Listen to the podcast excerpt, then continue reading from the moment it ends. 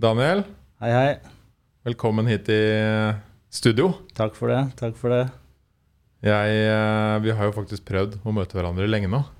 Yes, det har vi. Jeg har litt sånn felles kontakter og felles interesser og, og sånn. Og så så jeg at du holdt en, eh, en talk. Du kan kanskje fortelle om den selv? Ja, Hva den handla om? jeg hadde en talk på noe som heter Nordic Reform Conference. Eh, Hvor jeg da snakket om eh, iboga, som er en eh, afrikansk bark som virker psykedelisk. Som, som jeg har hatt god erfaring med, da, hvor, hvor jeg fortalte om min reise og hvordan denne barken forandret livet mitt. Ok. Er det det vi skal gå litt dypere inn i i dag, da? eller? Jeg tenkte det. tenkte Oh det. yeah! Yes. Plantemedisinens reise. Jepp.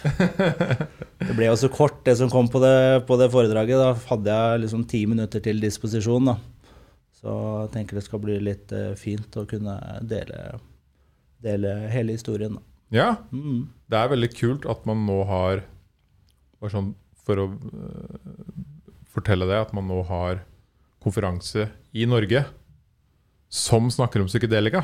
Yes. Det er helt rått. Ja, det er fantastisk. Med proffe, flinke folk og doktorer og leger og psykologer og folk som forteller om sine historier. Mm, absolutt. Men nå var akkurat denne konferansen hadde jo hovedfokus på, på rusreform. Ja. Men eh, det var jo også forskere som snakket om psykedelika og den type ting. Men hvis ikke jeg tar helt feil, så er det jo en, eh, en tilsvarende konferanse som skal være i mai, tror jeg. Med hovedfokus på, på psykedelika. Da, hvor, Ikke sant? De er flinke, de folka der. altså. Jeg har jo hatt noen på podkasten her før. Ja. Ivar Gokser og ja, blant annet. Ivar har vært her. Lowen. har- Jørn, Lowen, Gina. Ja. Det er godgjengen, det. Yes, jeg tror jeg har hørt alle podkastene. jeg er din største fan, vet du. Oh yeah, Daniel! Yes! Ok, nå skal vi ned i eh, plantemedisinens verden. Yes. Det hadde vært kult da å høre, liksom, fordi du eh, Jeg har jo hørt den YouTube-videoen din, og det er en veldig fin historie. Men du kan kanskje starte litt på liksom, begynnelsen Ja. om deg, så at vi får et bra perspektiv på hvorfor plantemedisin hjalp deg til slutt, Mm. og hvordan. Absolutt.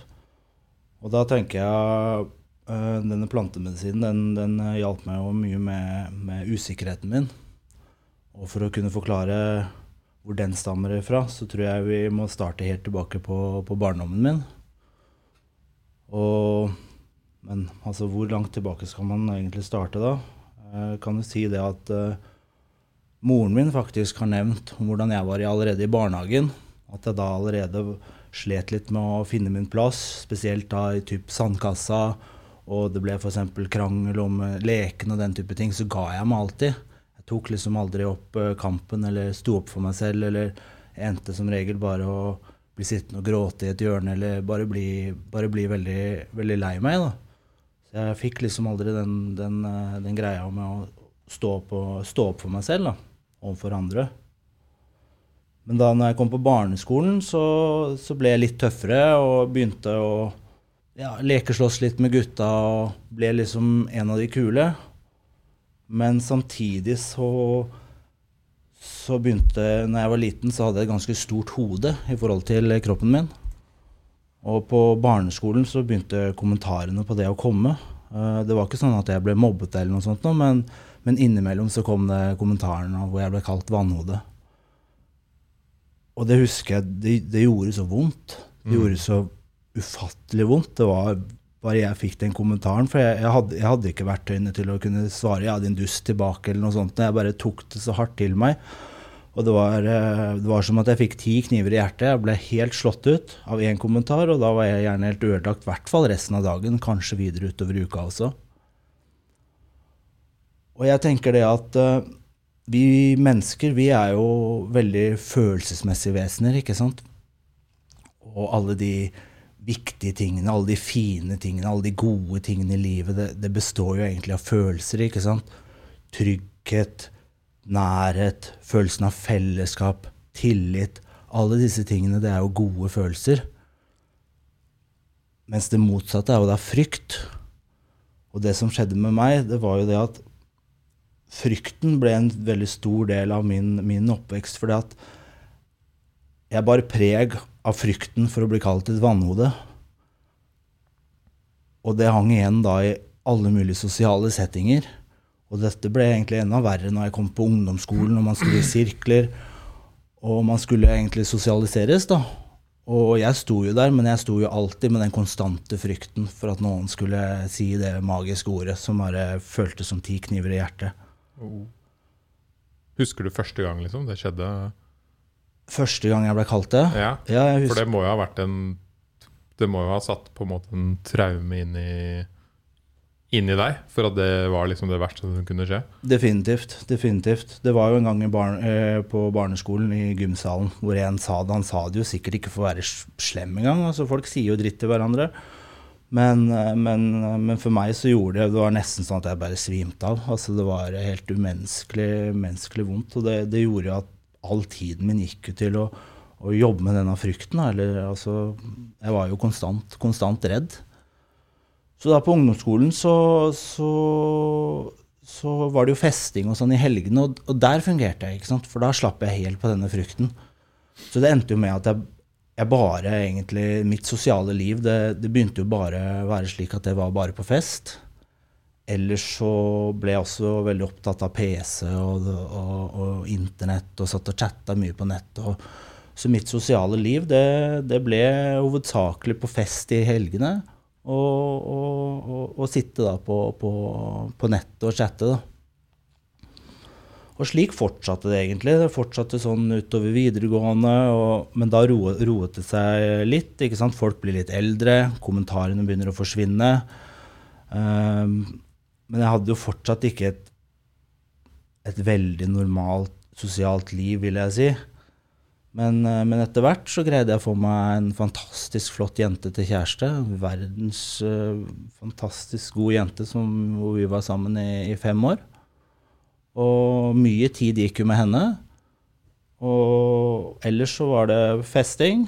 Ellers så satt jeg og var jeg på chatting på, på nett. Så det var liksom aldri noen noe spesielt sosiale ting utenom dette, da. Gama du, eller? Jeg gama litt, men, eh, men aldri Mest chatting. Mest chatting, ja. IRC. IRC, ja, det jeg skulle si. Der brukte jeg mye tid, da. Så det var liksom Jeg kommuniserte mye mer med mennesker på IRC enn jeg gjorde i det virkelige liv, da. Sett bort ifra noen av nære venner og, og, og, og kjæresten min og sånt noe, da. Men, eh, men etter hvert så, så ble det slutt da, mellom meg og kjæresten min. Og jeg taklet det bruddet veldig, veldig dårlig. Og det gjorde det at eh, festingen begynte å ta overhånd over livet mitt. Og det var da sikkert min måte å, å, å håndtere dette bruddet, hvor jeg ble veldig lei meg. Og Hvor gammel var du da? da var jeg vel en eh, 25, kanskje. Men på den tida er det jo også ganske normalt å feste mye, da. Hvor, my hvor mye tok det over, på en måte? Ja, nei, altså for å si det sånn, mens jeg var sammen med henne, så var det jo normalt man festet jo og tok seg en fest i, i uka, ikke sant? Ikke sant. Og drakk hver lørdag og sånne ting. Men uh, da bruddet med henne ble et faktum, så skled det jo ut, og, og, og det kunne bli Man starta jo ikke sant, med at man festa fredag og lørdag, og så ble det kanskje torsdag, fredag og lørdag, og så ble det hardere festing og ikke bare alkohol og, og disse tingene. Ehm, så jeg bare tenker litt om hvor, hvor historien går videre da derfra. Du slo med, da, med Dere slo opp, Yes, og festingen ble beinhard. festingen ble beinhard. Og slik eh, ble det i noen år. Men samtidig med denne festingen så begynte jeg også å få øynene opp for, eh, for psykedelika og, og mindfulness. Jeg begynte å lese en del interessante bøker. Leste bl.a. bøkene til eh, Alexander Sjulgin og kona hans Ann. Og jeg leste bøkene til eh, Rik Strassmann. Og jeg leste eh, også bøkene til Eckhart Tolle, som går mer inn på, på, på mindfulness og disse tingene. Og det gjorde jo det at jeg blei veldig søkende. Men jeg fant ingen andre det var ikke andre som jeg kjente som holdt på med psykedelika eller holdt på med plantemedisin eller var interessert i de samme tingene. Så det, det akkumulerte med at eh, eh, vi tok oss en tur til Sør-Amerika. Og da var planen da å være der én måned. Og da 14 dager eh, til fest og moro. Og så var planen da at jeg skulle eh, på en tolvdagers uh, seremoni bestående av uh, seks dager med ayahuasca, den uh, indianerteen, og så seks dager med San Pedro-kaktusen. Men dessverre, som livet mitt var på den tiden der, så tok jo veldig ofte festningen overhånd, og jeg greide å miste flyet mitt til Peru. Så det blei ikke noe tolvdagers seremoni der borte, dessverre. Men det som er litt funny, er at når jeg kom hjem igjen, kort tid etter at jeg kom hjem igjen fra Sør-Amerika, så ringte en kamerat meg og bare 'Hallo, kompis. Du, er du keen på å være med en tur til Sverige og leke med noen indianere fra Amazonas og drikke noe sånn der indianerte?' Og det her er en kamerat av meg som er den siste jeg hadde sett for meg skulle spørre meg om det her sånn. Da. Så jeg bare 'What? Snakker du om ayahuasca?' Han bare ja, ja, ja, har det det heter greier. Ok, jeg er med. Så var det rett bort. Dro vi til Sverige. Var det der en helg. Og jeg var solgt. Altså, for det første, jeg, jeg traff så mye fine mennesker. Flotte mm -hmm. mennesker, gode folk, sunne mennesker. Og jeg syns også den plantemedisinen her var veldig spennende, og at han, han uh, hjalp meg veldig mye. Uh, man følte seg så fantastisk godt uh, dagen derpå. Det var jo nærmest som om man var født på nytt. Fortell om den seremonien. Hvordan funker det? Hvordan funka det? Jeg veit, men de fleste av lytterne veit kanskje ikke.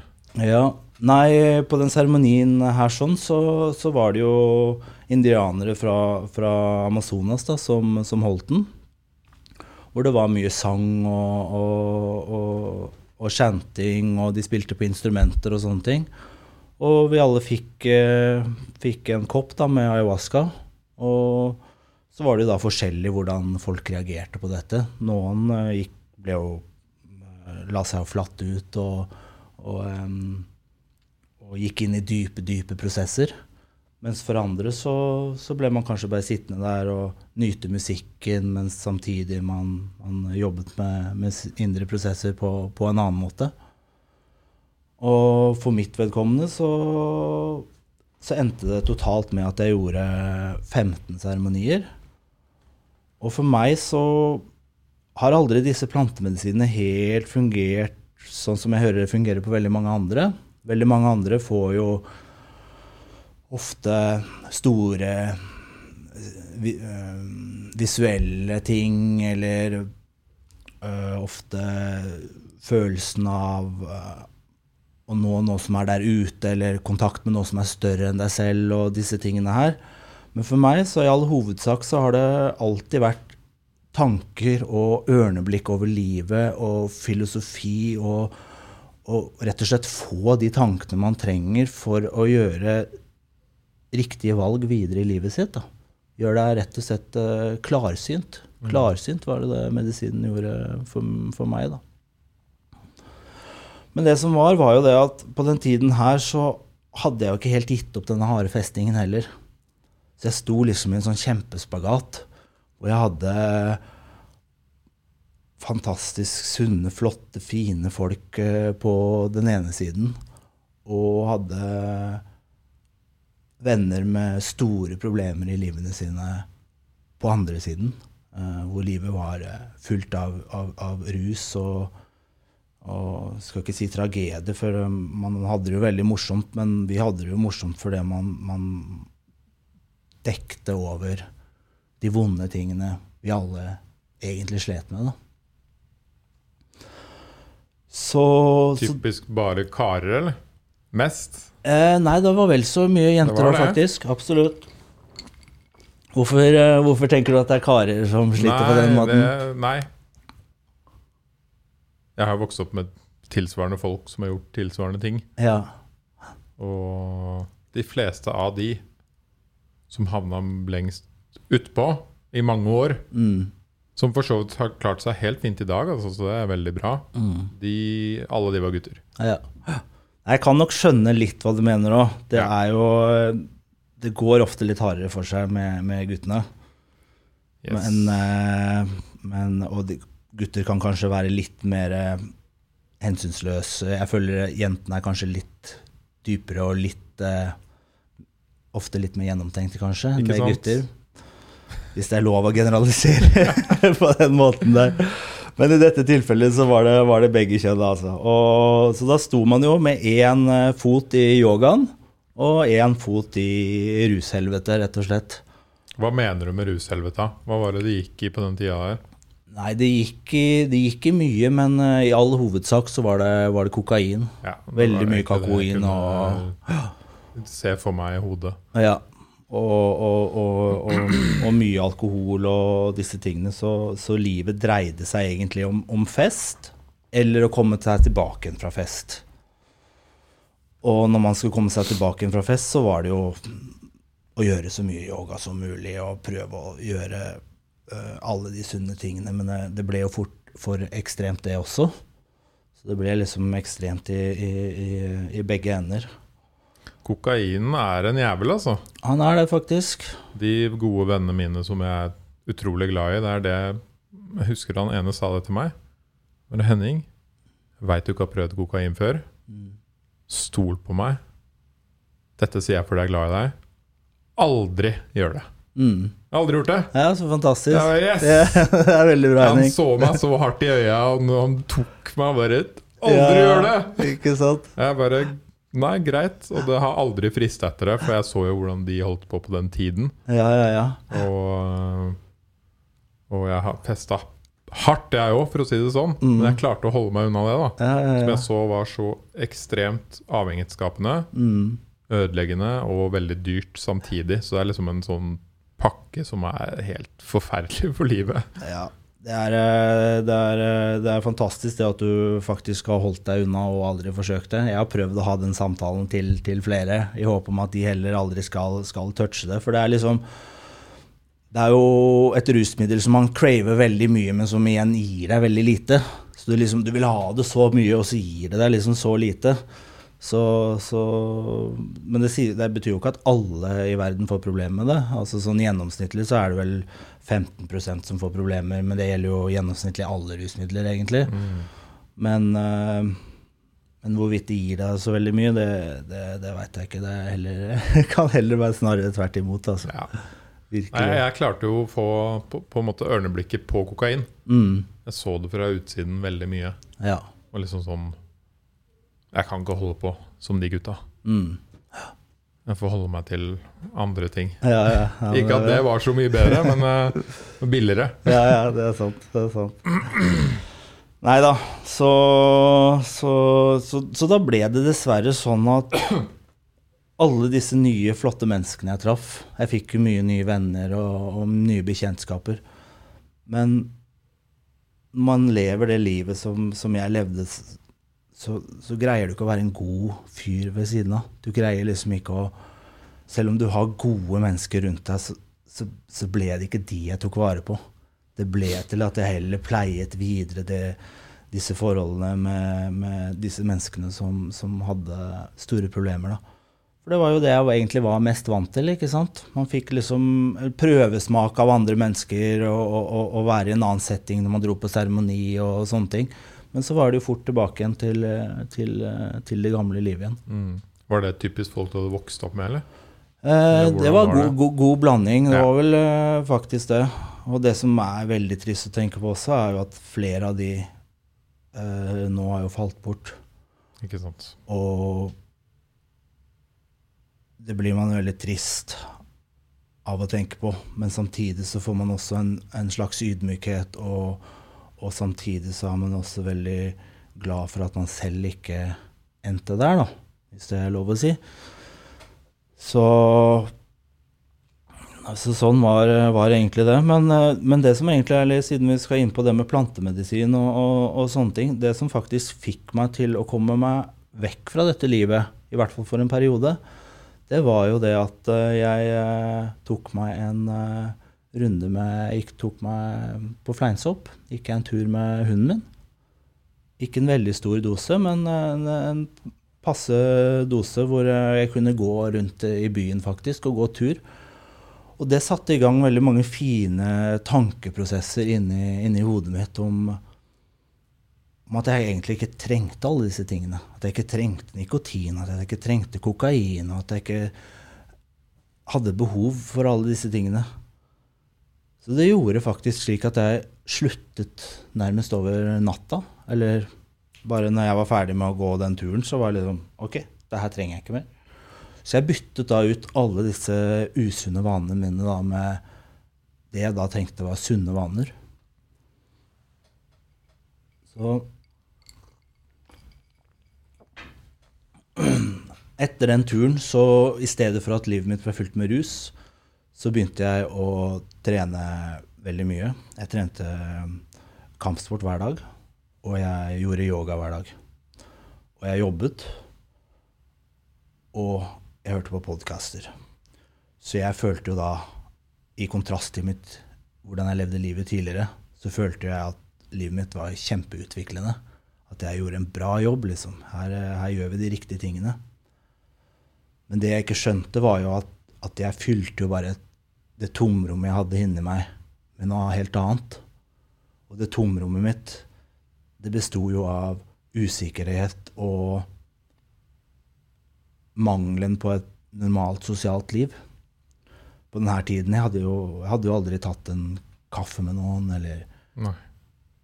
sitte og snakke sånn som vi gjør, eller hadde f.eks. en venninne av meg som inviterte meg til å ta en kaffe flere ganger da hun holdt på med filosofiutdannelsen sin på Blindern. Og jeg bare ja, ja, ja, jeg planla. Og jeg kansellerte og jeg kansellerte og jeg kansellerte. og jeg kansellerte.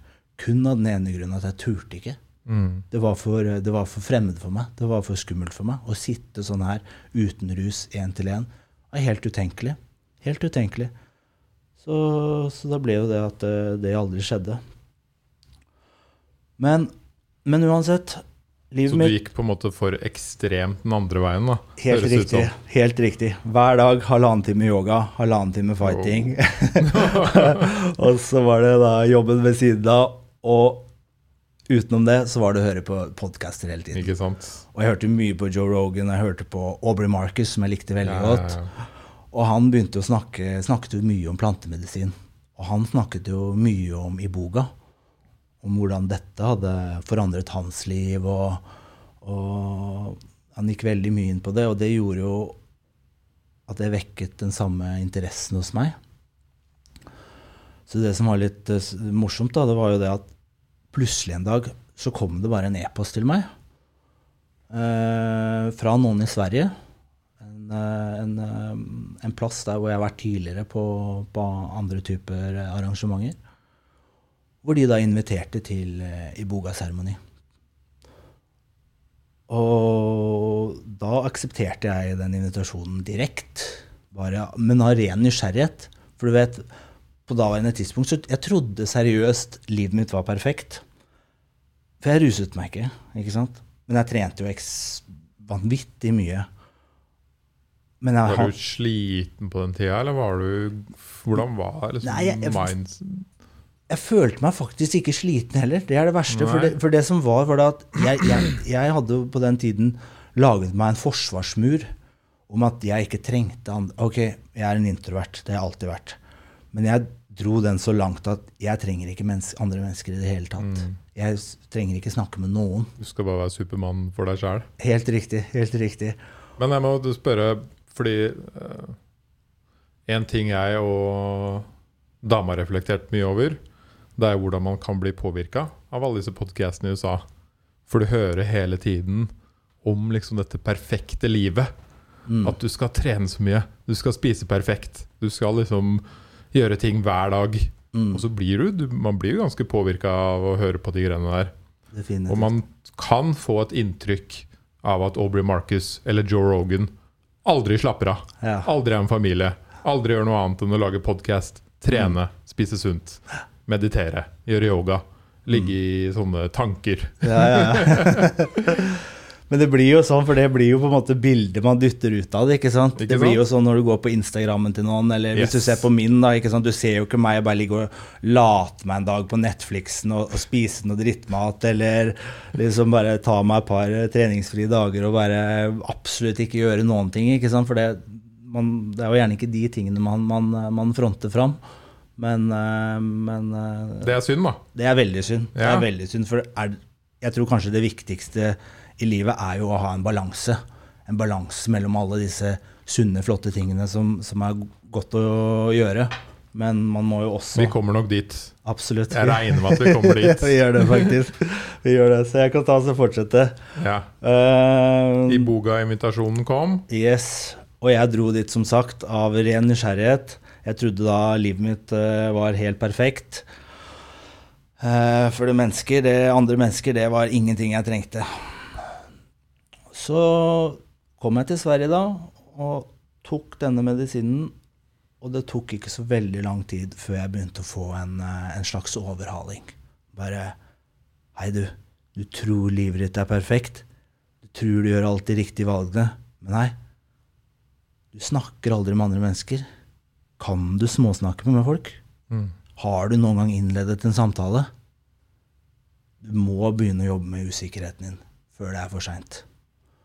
Og dette her var jo da i jeg vet ikke, altså jeg var jo 30 år på daværende tidspunkt, så det var jo virkelig på sin eh, rette plass, da. Og jeg fikk også en annen innsikt om, om å få kontakt med, med, med lillebroren min. Lillebroren min var jo da daværende tidspunkt blitt 18. Mm. Men pga. livet jeg levde, så var ikke jeg en, en, en god bror for han, ikke sant? Eller en god sønn for mamma, eller en god onkel for nevøen min, ikke sant? Man trenger balanse i livet sitt for, for å kunne gjøre de gode valgene og, og gjøre de riktige valgene og, og, og være et godt medmenneske, da. Hvordan funka Hvordan du sier du ble fortalt eller hørte dette her? Var, var det sånn seremoni hvor du lå på gulvet med ting foran øynene, eller hvordan Ja. For folk som liksom ikke har prøvd det før, eller ikke skjønner dette med at du hørte dette ja. Hvordan fun funka det egentlig? Nei, det er litt vanskelig å forklare, men, men akkurat Ibogaen er kanskje litt eh, grei å forklare, for den, den syns jeg virker veldig i kontrast hvis man ser for seg ayahuasca eller sopp eller disse tingene hvor, hvor, hvor, hvor det ofte er vanlig å få kunnskap eller innsikter fra noe som føles større enn deg selv, eller noe fra utenifra. Mens i boga, da føler jeg egentlig at det er deg selv som snakker til deg selv. Men du har bare fått fjernet alle disse lagene med, med, med, med, med bullshit. Altså med Altså, jeg liker å se på oss mennesker som Det høres litt surrealistisk ut, men, men en løk. Hvor, kjernen er slik du egentlig er, og så har vi lagt på lag på lag på lag med hva samfunnet forventer av deg, hva som forventes av deg som en, som en sønn, som en venn, som en arbeidstaker, som alle disse tingene, som en kjæreste, alle disse tingene, og dine egne oppfatninger, dine egne ideer. Mens i bogaen den bare rensker unna alt det her, så tar den tak i det som er aller viktigst for deg for å bli For å for å være en katalysator. Hvordan kan Iboga være den beste katalysatoren for at du skal være en bedre utgave av deg selv den neste dag? Sånn tror jeg den fungerer. Den fungerer jo helt sikkert forskjellig for, for forskjellige mennesker, men for meg så ble det rett og slett at den tok tak i det som var det aller viktigste for meg for å kunne være et godt menneske, eh, et godt medmenneske, en god venn. Altså være en god person, rett og slett. Og det er jo å ta tak i usikkerheten min. Det er morsomt du sier det med løken, for det, akkurat det eksempelet har jeg brukt på podkasten før. Oi? Ja, Kanskje det er der jeg jeg har det fra? Hørt, vi har sikkert hørt det et eller annet sted begge to. Ja, ja, ja, garantert. Men det er et bra eksempel. Det er det faktisk. Fordi du blir født som en sånn innerste delen av løken. Mm. Og liksom år etter år så bygger, legger det seg lag utapå denne løken med personlighet, med følelser, med hvordan samfunnet forteller du skal være, foreldrene dine, venner. Mm. Det skaper en sånn personlighet og, og masse sånn sikkerhets... Ikke sant? Murer som du lager rundt deg selv. Mm. Og program. traumer, hvordan, liksom, hvordan du selv blir programmert da, opp gjennom tiden. Mm. Mm. Og det er vanskelig for folk å av og til på en måte fjerne disse lagene Mm. for å komme ned til det indre deg selv. da. Absolutt. Noen klarer det. Noen kan gjøre det med meditering, yoga, Mm. gå tur i skogen, Mm. sitte for seg selv hjemme. Noen Mm. klarer det. Men den programmeringen som har foregått over så mange år, Mm. den er også veldig vanskelig å, å på en måte dykke gjennom av og til. da.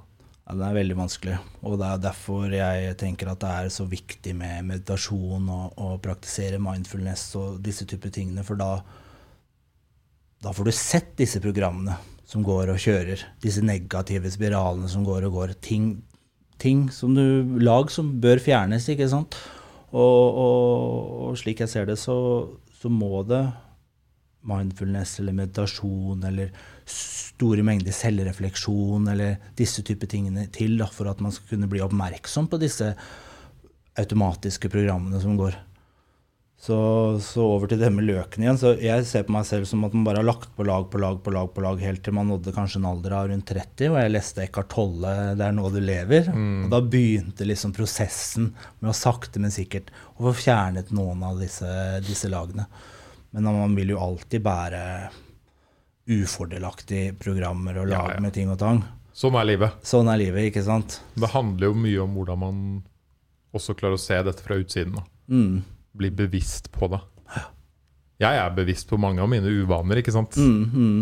Eh, det betyr ikke at jeg kommer til å fjerne alle i, i livet mitt. Det, det går ikke. Nei, nei, nei, på ingen måte. Altså.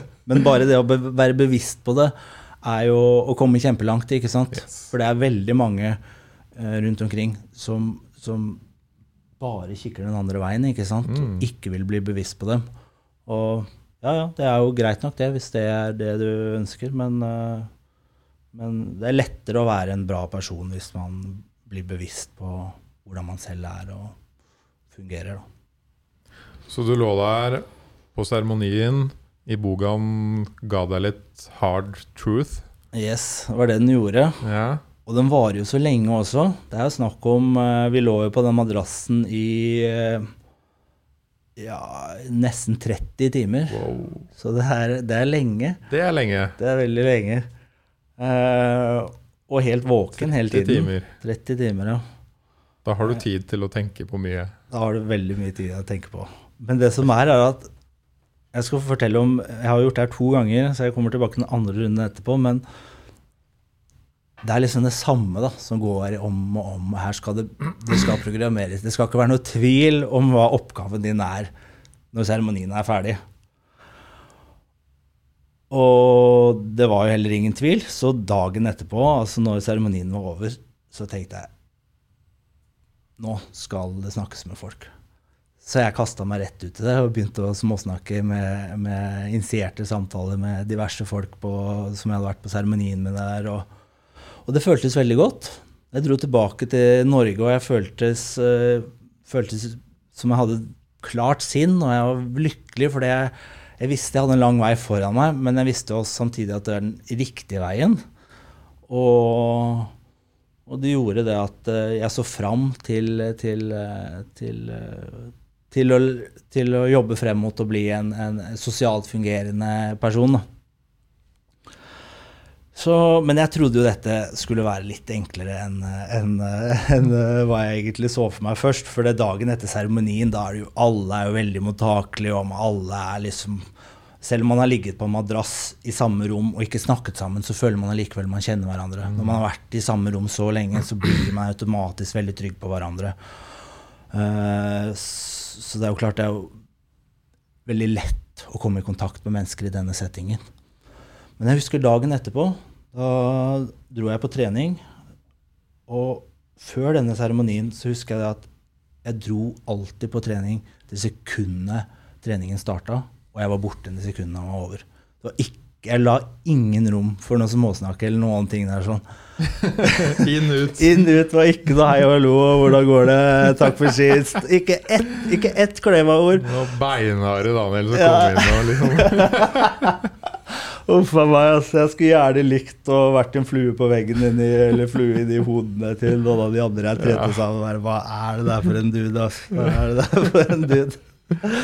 Men, eh, men, eh, men det tenkte de sikkert etterpå. For det at eh, da jeg kom dit, så kom jeg ti minutter etter seremonien så kom jeg ti minutter før treningen. Og tenkte jeg ok, her skal det snakkes med først, med, med folk.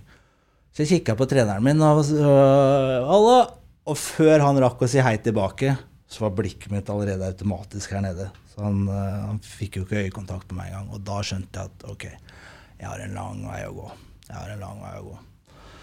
Så etter dette så, så ble hver dag en eh, skoledag for meg. I form av hver dag så gjaldt det å kaste meg selv i så mye ut i forskjellige sosiale situasjoner som mulig. Og det var jo fint, det, men herregud, hvor mye kleine situasjoner det kommer i også. Altså, Man sier jo mye rart. Man har jo ikke gjort det før. Og man er 30 år. Så, og man har jo ingen annen måte å bli flink på det enn, enn, enn, å, enn å kaste seg ut i det. Og for hvert nederlag, eller du sa teit ting, eller du gjorde Gjorde andre følte seg usikre altså man, man skaper jo veldig mange kleine situasjoner når man, man, man, når man holder på sånn, men, men hver gang det ikke gikk så bra, så fikk det meg ikke til å ville gi opp. For det, forst, det fikk meg heller til å innse Hver gang jeg dreit meg ut, så innså jeg hvor viktig det var for meg å gjøre det her. Jeg var nødt til å kunne være en, en fyr, en dude, som andre føler seg trygg rundt, ikke sant? Som, som viber en god energi. Jeg vil jo ikke være han derre han um, keitete einstøing, ikke sant, som det jeg egentlig var. Så, så, så med tida så, så, gikk det seg til, ikke sant. Man ble flinkere og flinkere, og, Mm.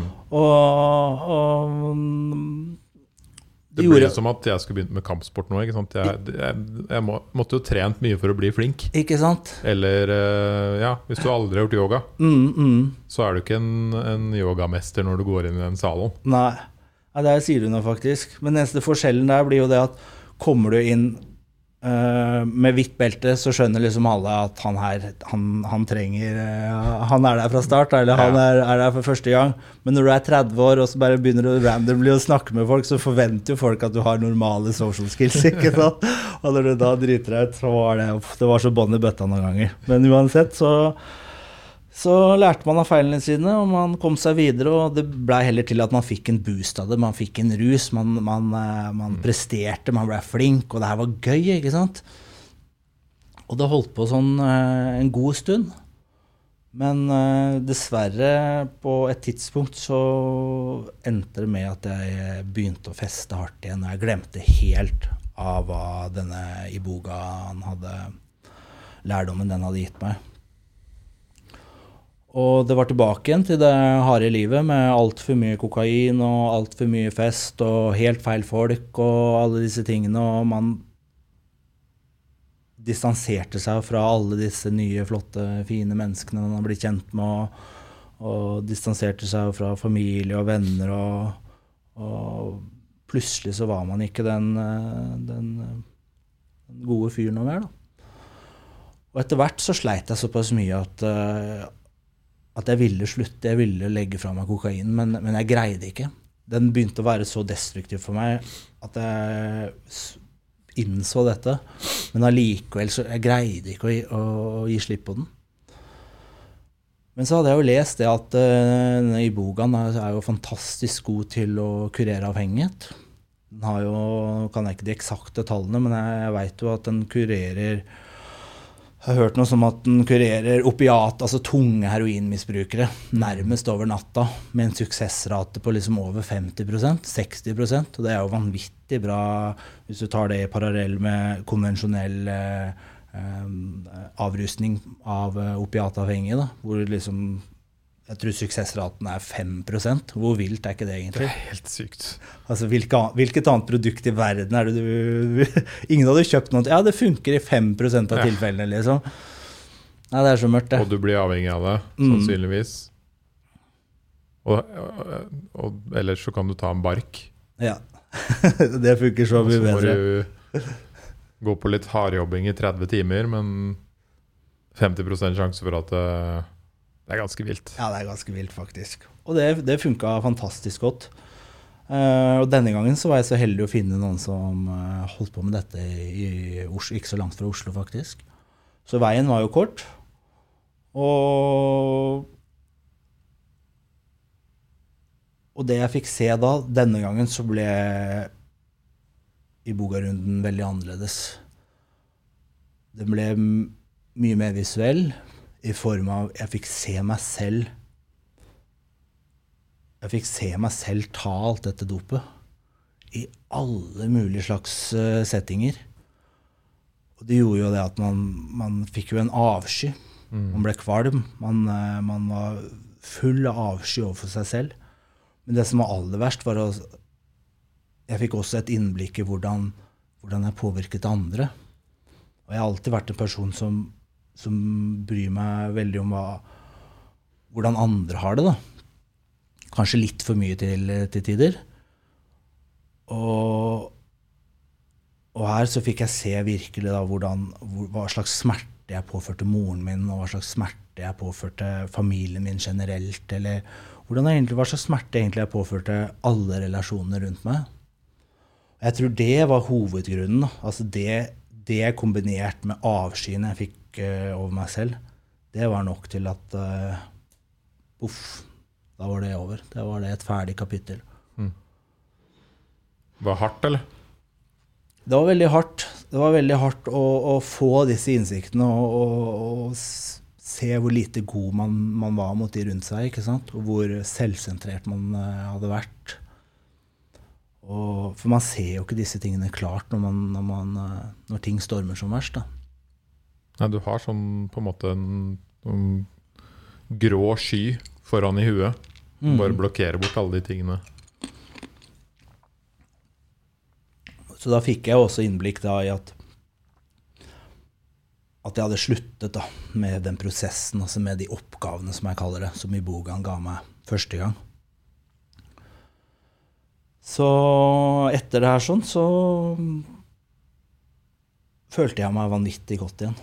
Livet smilte jo, og jeg var klar, da, klar for å, å fortsette, fortsette, prosessen å utvikle meg selv. Og Ja, så da ble det egentlig til at uh, man begynte å erstatte disse, disse, vonde, disse negative tingene, da, rusen, med andre sunnere ting. Man begynte å få interesse for ja, alt fra isbading til det ble mer fokus på yoga, mer fokus på meditasjon, mer fokus på mindfulness, mer fokus på, på skogsturer, være med familie, være med venner, lese bøker alle disse tingene ble veldig viktige, da.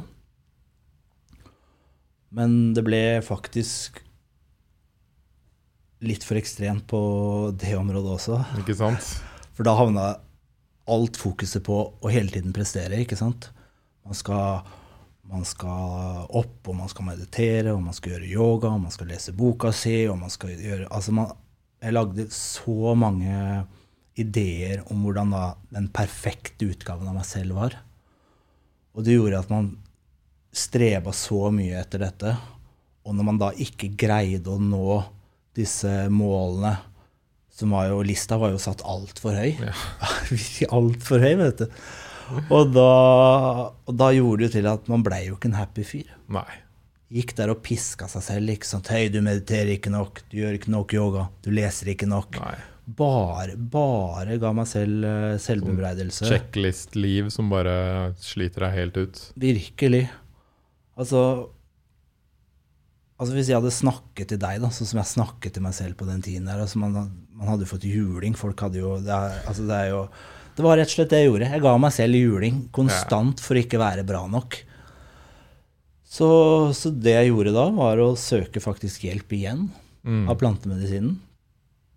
Og denne gangen så var det Cuba fleinsopp som, eh, som hjalp meg. Eh, men jeg må først si det at jeg anbefaler ingen andre på, på noe som helst måte å, å, gjøre det på måten jeg gjorde det. For det, det, måten jeg gjorde det på, var jo å, å ta seks gram cubafleinsopp, tørket cubafleinsopp, og ha på meg um, sovebriller og støykansellerende hodetelefoner. Og la meg chill sted i sofaen. Og satt på en spilleliste som er jo laget for psykedelisk terapi. Mm. Så det er jo 'Music for Mushrooms' av East Forest. Ikke sant? Det er fantastisk. Det er Fantastisk, ja. Det er veldig, veldig bra. Og for de som ikke vet, så er seks gram en virkelig solid dose Ja, med sopp. det er det. Men, eh, men det er det jeg ville kalle en, en terapeutisk dose, da. Absolutt. Fem pluss. Fem pluss, ja. Men, eh, men igjen, jeg må påpeke det at viktigheten av å ikke gjøre det på den måten jeg gjorde det. For Ja. det er mye som kan gå gærent. Og det er øh, Det kan være veldig tøft psykisk. Og man kan havne i, i, i tøffe situasjoner. Ja, Så- Det er ikke noe du skal kødde med. Nei, Og du burde ikke. ha noen som passer på deg. Absolutt. Og skal du gjøre noe sånn i livet, så burde du ha lest mye om det og være med noen du stoler på, og Mm. Være på et trygt sted og Det tenker jeg er det viktigste. For det første å være på et trygt sted. At det ikke plutselig ringer på døra, eller noen skal komme på besøk, eller det må liksom være 100% sikkert at ingen kommer. Og ting naboen skal låne mel eller noe. Ja, ikke sant? Det kan jo være nærmest fatalt. Men, eh, men så enkel ting, ikke sant. Men, men det å ha noen der, og ikke hvem som helst Det bør være noen som har masse erfaring med å gjøre dette. Yes. Så de, så de veit å si de riktige tingene, ikke sant? Eller veit hva de skal passe på. ikke sant? Kanskje du må bli fulgt i toalettet og minner deg på å ta på, ta på sovebrillene igjen og legge deg pent ned igjen og fortsette prosessene. ikke sant? Og klart det aller beste er jo å, å ha noen som har trening innenfor eh, for, eh, ja, psilocybin-assistert psykoterapi hadde vært det aller beste, men nå florerer du ikke av det, det foreløpig. Så, så, så skal man gjøre det, så sørg i hvert fall for at man, man har en trygg person som man stoler på, som, som har erfaring med dette. Men, eh, men nå gikk dette fint for meg, og jeg fikk kanskje min livs viktigste eh, lærdom. Og det var det at aldri, aldri, aldri noensinne snakk ned til deg selv igjen. Altså, hva er det for noe? Altså, har du en dårlig dag, eller du har en dårlig uke, eller du har en dårlig måned, så er jo det greit nok, men å gi deg ytterligere hets Mm. fordi du har en dårlig dag, eller fordi du har skippet meditasjonen en dag, eller fordi du har gått noen dager uten å lese i boka di, eller hva enn det måtte være, så aldri, aldri fram med pisken på deg selv. Altså, altså, du er god nok. Du er mer enn god nok, var liksom det jeg fikk, eh, fikk beskjeden om. Jeg skulle ønske flere Jeg har også fått den læringen av plantemedisin. Mm. Jeg skulle for så vidt ønske at flere hadde fått den. Det er som du sier, da. Det er så lett å stå opp og allerede ha en dårlig dag. Mm. Eller eh, droppe en rutine. Og så skal du i tillegg liksom se ned på deg selv. Ja. Gjøre dagen enda verre. Ikke sant? Du skal, som du sier, du skal piske deg sjæl mer ja. når du allerede har det kjipt. Uff. Hvordan hjelper det? Det gjør det bare mye verre. Det gjør jo bare ting som du sier, ja, mye verre, og det blir enda vanskeligere å komme tilbake igjen og Ja. gjøre de riktige tingene. Så man ender bare i en sånn derre endeløs spiral med selvbebreidelse som, eh, som ikke gjør noen, noen noe godt. Altså, Én ting er jo hva du gjør mot deg selv, men når du ikke har det godt med deg selv, så er du jo ikke noe god mot de rundt deg heller.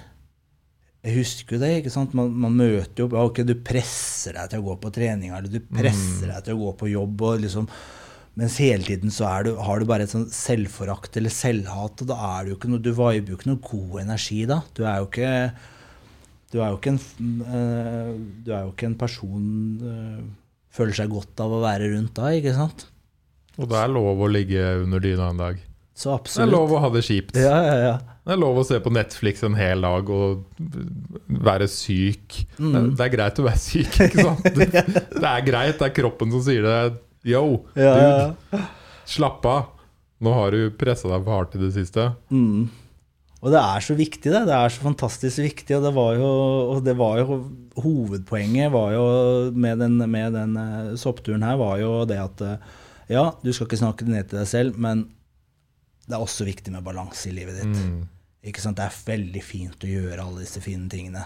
Men du må også kunne ta deg en dag og bare slappe av med Netflix selv om du ikke har en kjip dag. Ikke sant? Det er lov. Ikke sant? Eller ta deg et par glass vin, eller gå ut med noen kompiser og, og ta deg en øl og, og ha det fint. Du kan ikke bare gå og kjøre på med For det blir jo en slags sykdom, det òg, og bare skal være, gjøre disse rette tingene. ikke sant?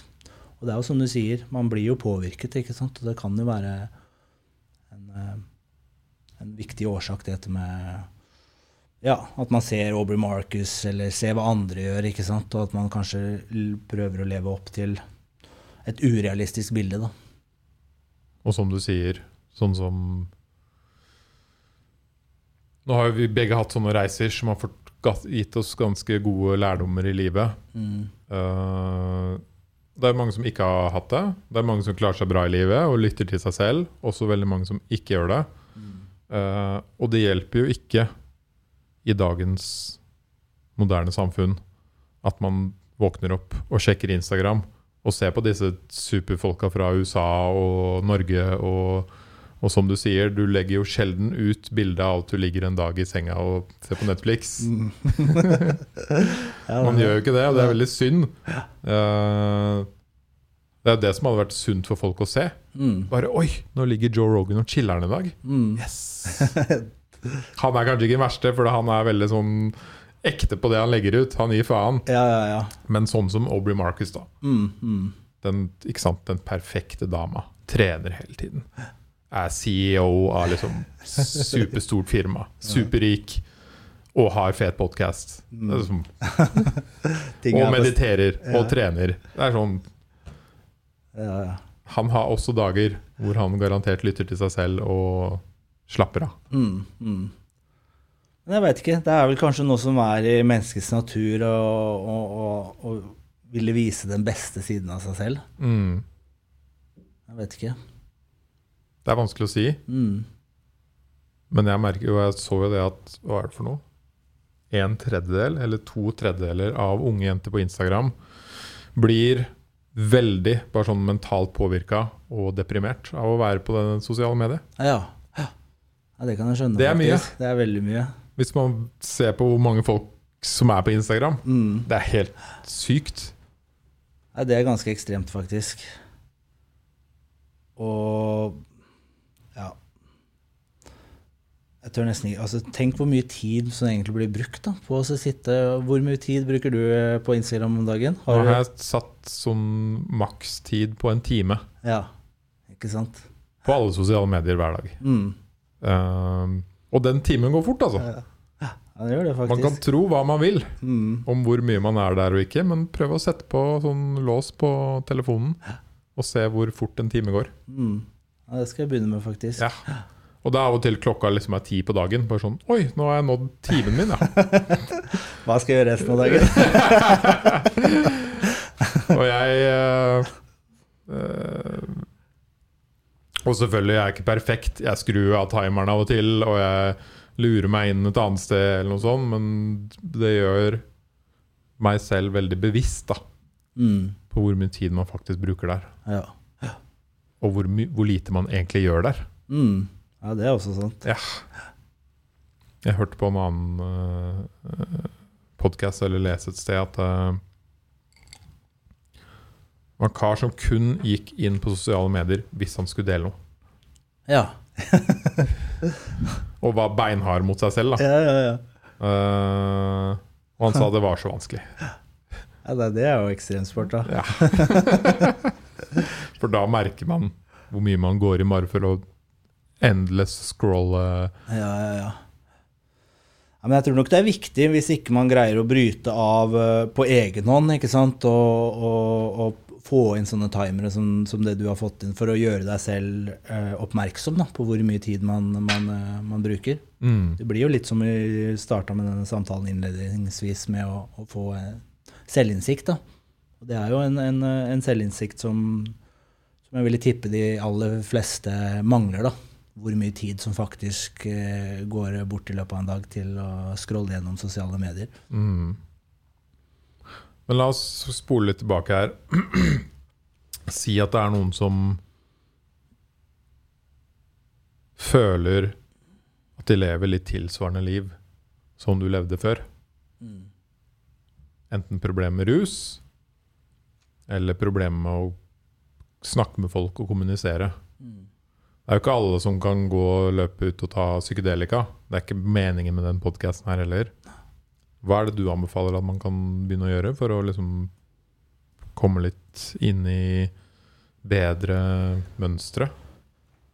Ja, nei, jeg vil jo kanskje foreslå disse, disse verktøyene som jeg har blitt uh, veldig glad i, da. Som er å uh, naturen, gå tur i skogen, isbading, finne seg et yogastudio, kanskje. Eh, definitivt eh, praktisere meditasjon. Og det veit jeg for veldig mange er veldig skummelt, eller veldig mange har jo denne, denne indre rastløsheten. Og det å bare sitte stille, som mange tror da meditasjon er, tror jeg eh, ja, ikke akkurat virker veldig fristende for, for veldig mange. da. Men da kan jeg anbefale å laste ned en eh, meditasjonsapp. Balance, f.eks. Ble rangert til eh, beste appen eh, på Google Play, faktisk, okay. i år. Eh, så det er en app jeg har hatt god erfaring med. Som, som, er, som er veldig, veldig bra. Og du kan, korteste meditasjonen du kan gjøre for dagen, er ti minutter. Mm. Og da er det fordelt mellom litt innsikter og noen ganger litt stillhet, og noen ganger guidet, guidet meditasjon. Så jeg tenker det, det kan være gode, gode verktøy. Dessverre så, så tror jeg ikke konvensjonell behandling og disse tingene fungerer så veldig bra. I hvert fall ikke foreløpig. Hva slags type behandling tenker du på da?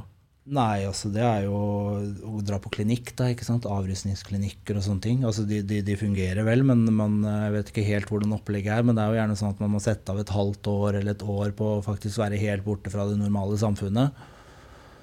Så i påvente av at vi får eh, Nå er det jo en eh, eksplosjon som skjer med tanke på all forskningen som skjer på, på plantemedisiner og Det er veldig spennende. så vi er jo i en veldig spennende tid nå. Nå skjer det jo mye, mye ting i, i verden, men eh, Og det forskes jo veldig mye på, på fleinsopp for, eh, for avhengighet og på depresjon og angst og, og disse tingene henger jo veldig, veldig sammen. Og ketaminbehandling fins jo nå, i Oslo, Mm, i dag. det gjør det faktisk. Og nå har det faktisk kommet inn i det offentlige også. Mm. Nå finnes det på sykehuset i Østfold òg. Så det går riktig vei. Det er en en veien. stor forandring. Virkelig. Men uh, det går dessverre litt, litt tregt. Uh, har fått litt fart på seg i statene. I statene vet jeg det er ganske utbredt med disse ketaminklinikkene. Det har Mm. vært det ganske lenge. Og så har jo Food and Drug Administration i statene anerkjent uh, eh, MDMA som sånn breakthrough therapy. Også at den har så banebrytende effekt da, mot et så stort problem som, som depresjon. Da. Eller nå er det egentlig posttraumatisk stressyndrom som er, eh, er hovedfokuset. Men eh, det ser man jo for seg blir medisin der borte i løpet av 2022-2023 senest. Så jeg tenker når det skjer, så tror jeg verden vil få øynene, øynene opp. Altså de som Mm. følger med på forskningen, og det er jo utrolig mye nå som har skjedd de siste årene. Men da tror jeg det blir mer, mer kjent blant uh, lekmannen i gata, da. Selv om det allerede De fleste har jo nå begynt å høre om plantemedisin og disse tingene, men eh, Mm. noen få år til så tenker jeg vi er der. Ikke sant. Det er en stor forandring som skjer nå. Mm. Og det er jo bra at på en måte At det er forskningen som leder veien. Det er den Mm. eneste naturlige veien å, å gå hvis det noen gang skal bli uh, mulig å få det inn som terap et terapeutisk middel. Mm. Uh, selv om det tar tid. Mm. Det får vi bare det, det må bare være sånn, egentlig. Ja.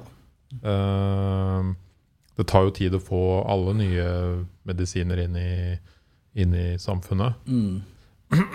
Men dette kan jo ha en helt sykt stor og god effekt da, Mm. Absolutt. på disse problemene, som eh, for det første er veldig tunge og harde for menneskene, som har hatt det i mange mange år, og sliter Mm. med det mange år i livet. Mm. Og det er ekstremt dyrt for samfunnet.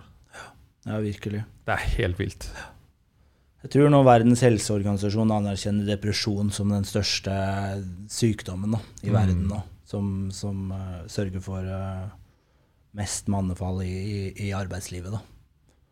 Og det som er interessant òg med psykedelika, min erfaring i hvert fall, og egentlig de fleste jeg snakker med, er jo at eh, det på en måte bare åpner vinduet, og så ser du Aha, det er dit jeg, er dit jeg skal. Det er dit jeg vil med livet. Mm. Men du har en vei å gå for å komme dit etterpå. Mm. Som du sa, da. Etter en seremoni så veit du bare sånn hm, Nå har jeg blitt observant på liksom de dårlige mønstrene, de dårlige tingene jeg gjør i livet. Og så har jeg blitt eh, enig med meg selv om, om at jeg vil fikse det. Men så starter jobben. Ja, det er sant. Ikke sant? Du må ut og snakke med folk. Mm. Du må endre på mønsteret. Mm. Det er ikke sånn du våkner og bare Sånn, nå er alt fiksa. Nei, jobben starter faktisk når seremonien er ferdig. Men, Mm. men grunnen til at man føler seg så veldig mye bedre, er jo at man har fått, man har fått en retning i livet. Da, Yes. Og det er veldig viktig eh, når man tenker på depresjon og disse tingene. Ikke sant? Du har fått, fått en vei å følge. Absolutt. Fått, fått noe å leve for. Da. Du ser det er lys i enden av tunnelet. Du Mm. veit hvilken vei du må, du må følge lyset. Ikke sant? Det er ikke sånn at du plutselig blir bestevenn med familien igjen. Du må faktisk henge med dem igjen. Mm. det er sant. Så the work starts på en måte etter seremonien. Mm. Og det har de vel forska på nå, at eh, hjernen er spesielt åpen for endringer av mønstre to-tre måneder etter. Altså én til tre måneder etter. Mm. Mm. Og det er også som han Oskar som har vært der, som holder på med psykedelisk terapi, sier, Ja. eller har sagt til meg, er at samtidig er hjernen sånn, og kroppen vår og, og sånn, den er veld, den syns det er veldig digg å komme tilbake til gamle vaner. Mm. Så man kan veldig fort falle tilbake. Absolutt. Absolutt. Det er det, det er det jeg mener om at jobben faktisk, den harde jobben starter etterpå. Mm. Men det er litt morsomt det du sier, for jeg tror faktisk to til tre måneder, altså det jeg har lest som er den typiske Altså si hvis noen tar en iboga-seremoni og slutter med heroin, og de ikke greier å holde seg, så er det gjerne etter to-tre måneder at de sprekker. Så det er noe med akkurat den, eh, den, eh, den tida der etterpå. Og det tipset jeg har fått òg, er jo at uh, etter en sånn seremoni Mm. så burde man egentlig være på hytta eller noe. Mm.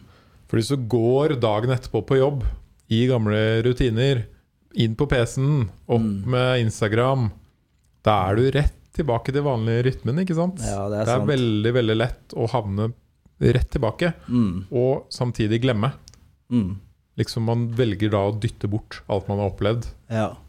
Og det er derfor de sa faktisk, når jeg gjorde den første første iboga-seremonien i Sverige, så sa de at det faktisk Altså Normalt sett så er det, jo, er det jo det viktigste når man har gjort psykedelisk terapi, er jo ofte å, å snakke om hva man har opplevd etterpå. Og, og diskutere veien videre og sånne ting. Og ha en terapeut å, å, å, å, drodle med. Men når vi gjorde den i bogart-seremonien, så hadde vi jo ikke det. Og Dag hadde vi oss faktisk det rådet å ikke snakke om det vi hadde opplevd eh, under seremonien til noen. For da blir det så fort at man tar opplevelsen, putter i en boks for, Mm. og setter det der. Og så blir det bare glemt, og så blir det bare det, liksom den, den lille boksen. Mm. Og man tar ikke og, og, og integrerer det i livet sitt, da, sånn som man burde. Og Det er ekstremt viktig det du sier der. Altså, for jeg har vært på en ayahuasca-seremoni en gang faktisk, som varte over tre dager. Og da sluttet den straks så ut. så Den sluttet jo ikke før sånn fem-seks på morgenen på, på søndagen. Nei, på mandags morgen. Så det var liksom rett fra seremonien og rett på jobben. og bare Hvor er tiden til selvrefleksjon? Eller det blir liksom ikke du, du bare- det, Rett inn i mailen. Ja, ja, ja. Nei, det var det er litt vel ekstremt. Nei, så jeg tror, tror det er veldig viktig. Det er veldig viktig å, å, å faktisk ha en man kan snakke med etterpå. For det er, jo, det er jo samtalen som egentlig er terapien. Og så tenker jeg kanskje med disse, disse plantemedisinene kan, kan eh, Og ikke bare plantemedisin, altså MDMA og sånne ting. Altså det, det, det åpner deg opp og gjør deg trygg, slik at du lager rom for samtalen, ikke sant? Mm. Plutselig så stoler du på terapeuten din, og, og du får lyst til å dele, og, og du kan snakke om de tøffe, ekle tingene du har opplevd, kanskje Mm. krig eller lignende, i en trygg, trygg setting. da. Og det er veldig interessant. Det handler jo så mye om ja, disse mønstrene man har i hodet. Og det er liksom som om det er noen sånn hjernebaner som bare er stoppa, Mm. og så åpner de seg. Og du får sett ut av vinduet, og så bare sånn OK, men jeg må jobbe for å holde disse nye banene i hjernen åpen. Ja, De lukker seg fort igjen. De gjør det faktisk. Og jeg har jo hørt også mye på Eller en del på Joe Dispenza. Ja, selv.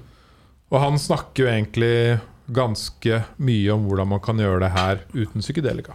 Ja. Ikke sant? Mm.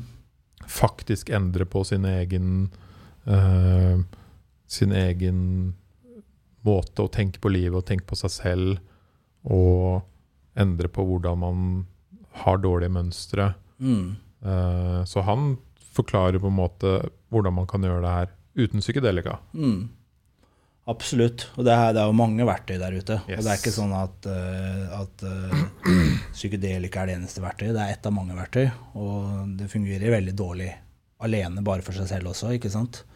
Og, og, og det er morsomt at du nevnte det med andre verktøy, faktisk. Eh, For det, jeg leser en bok nå, eh, skrevet av Jan Lockert. Har du hørt om han? Mm. Han, eh, han skrev jo en bok egentlig på 80-tallet om sitt møte med forskeren og eh, psykiateren Stanislav Grof. Og eh, som har jo, Han har jo holdt på masse med LSD i terapi og sånne ting. Men han fant også opp det man kaller for holotropisk pusting. Og når han Jan Lockert skrev boka si og slapp ut den på 80-tallet, så var ikke samfunnet der hvor vi er nå, hvor man snakker åpent om psykedelika, og det, og det skjer masse forskning på det og med gode resultater og disse tingene. ikke sant? Vi var ikke der på den tiden. Så da Han hadde jo masse da opplevelser med, med, med, med fleinsåpe og LSD og disse tingene eh, under, eh, under, under guidance da, fra Stanislav. Men siden han ikke kunne skrive om disse tingene i boka si, så kamuflerte han det som holotropisk pusting. Oh, ja. Men, så, men nå så har jeg skjønt at tiden er inne, så nå har han gitt ut boka på nytt. Ok. Men nå har han eh, skrevet den sånn som, eh, sånn som virkeligheten var. da. Hmm. Men eh, det var jo også mye holotropisk pusting der. Så, og det er visstnok et kjempeverktøy som, som ikke jeg har fått benyttet meg Hmm. noen ting av. Har du vært noe bortpå det, eller? Nei. Men jeg har hørt at generelt pust og pusteøvelser og pusteseremonier Mm. kan gi en helt lik effekt som psykedelika. Mm. Ja, han skriver så. Jeg hadde faktisk en jente, det er den eneste podcasten som ikke ble lagt ut, okay. som var her og fortalte en helt sykt dyster historie. Uff. Også om hvordan psykedelika hadde hjulpet henne, Ja. men hvor hun også hadde vært på sånn pusteseremoni og fått helt på en måte lik, likt resultat og Mm. like følelser som psykedelika hadde gitt henne. Mm. Så det er veldig spennende. Det virker som det er på en måte verktøy som ligger skjult inni oss. Mm. Som vi nå begynner å finne ut av fins inni der. Ja, ja, ja. ja. Det er veldig tøft. Jeg har lyst til å utforske det, en- det en dag. Jeg vet ikke om det er noen som holder på med det her til lands, men jeg syns det er veldig kult at, det er, at han fyren her, han lever jo fortsatt, har funnet opp det her. Pusteteknikker som fungerer så heftig at du kan, kan gå gjennom øh, en, en psykedelisk opplevelse da, som kan gi deg terapi da, på lik linje med, med, med en stor dose cubafleinsopp eller LSD eller lignende. Det er ganske vanvittig med pusting. altså.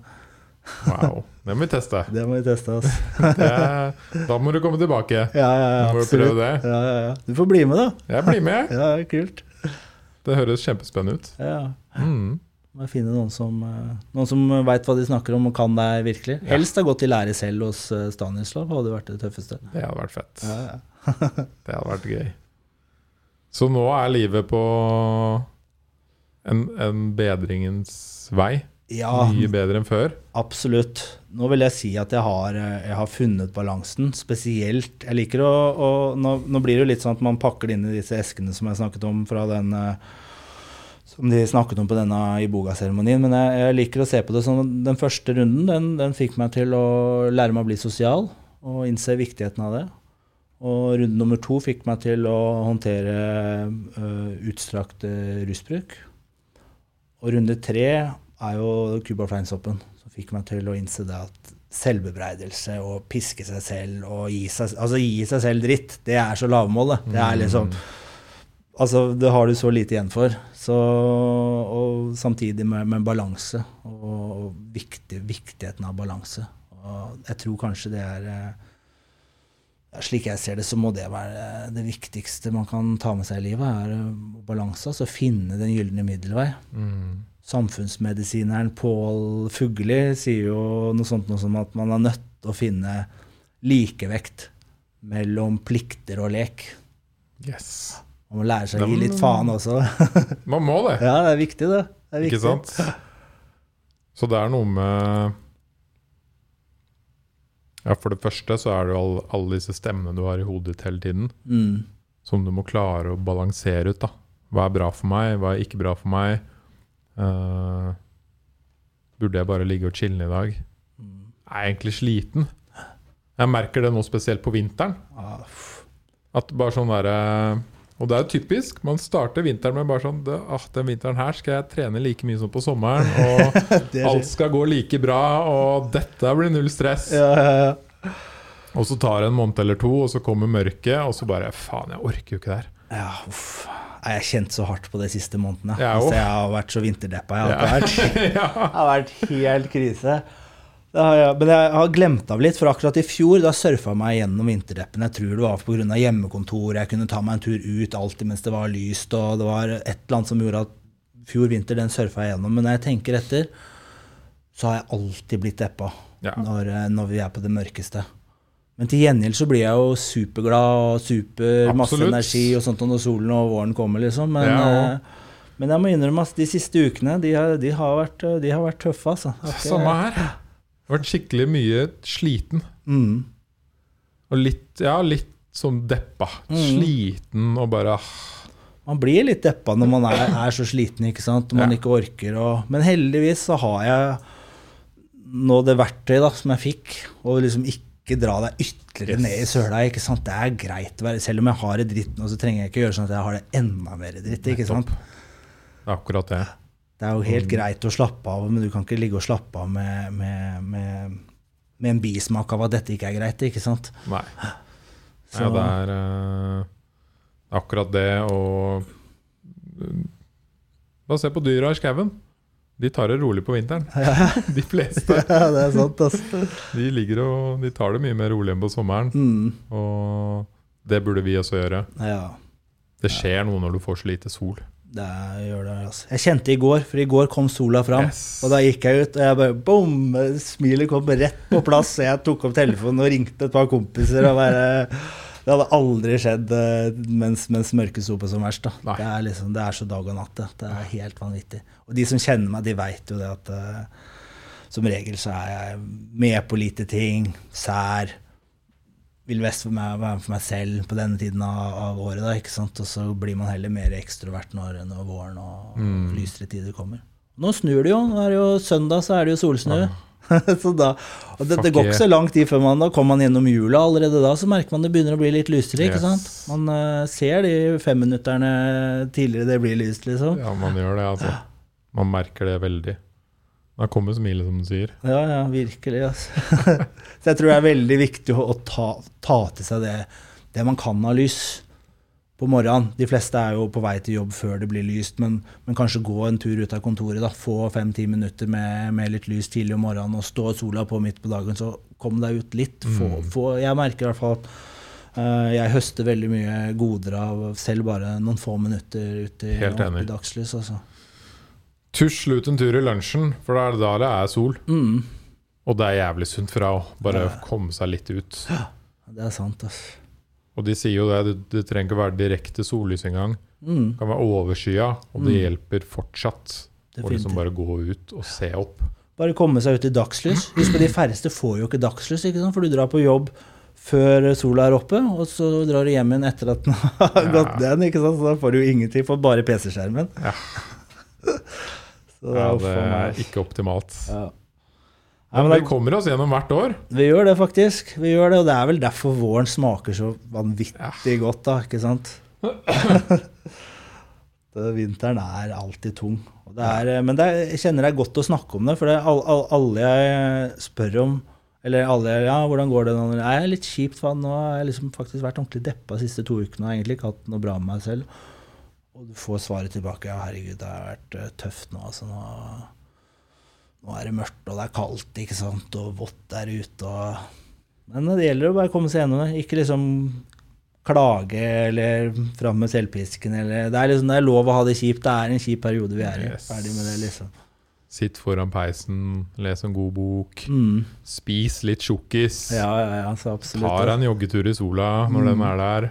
Det fins verktøy Ja, ja, får oss å komme oss gjennom. Og som du sier, det er bare å glede seg til den sola kommer fram igjen på øh, våren. Mm. Det er digg. Ja, det er helt super. Det er super. Og du ser jo Norge på sommeren. Du blir jo helt psyko glade. Ja, ja, ja, det er masse energi, og det er helt vanvittig hvordan man forandrer seg. Altså. Ja. Virkelig.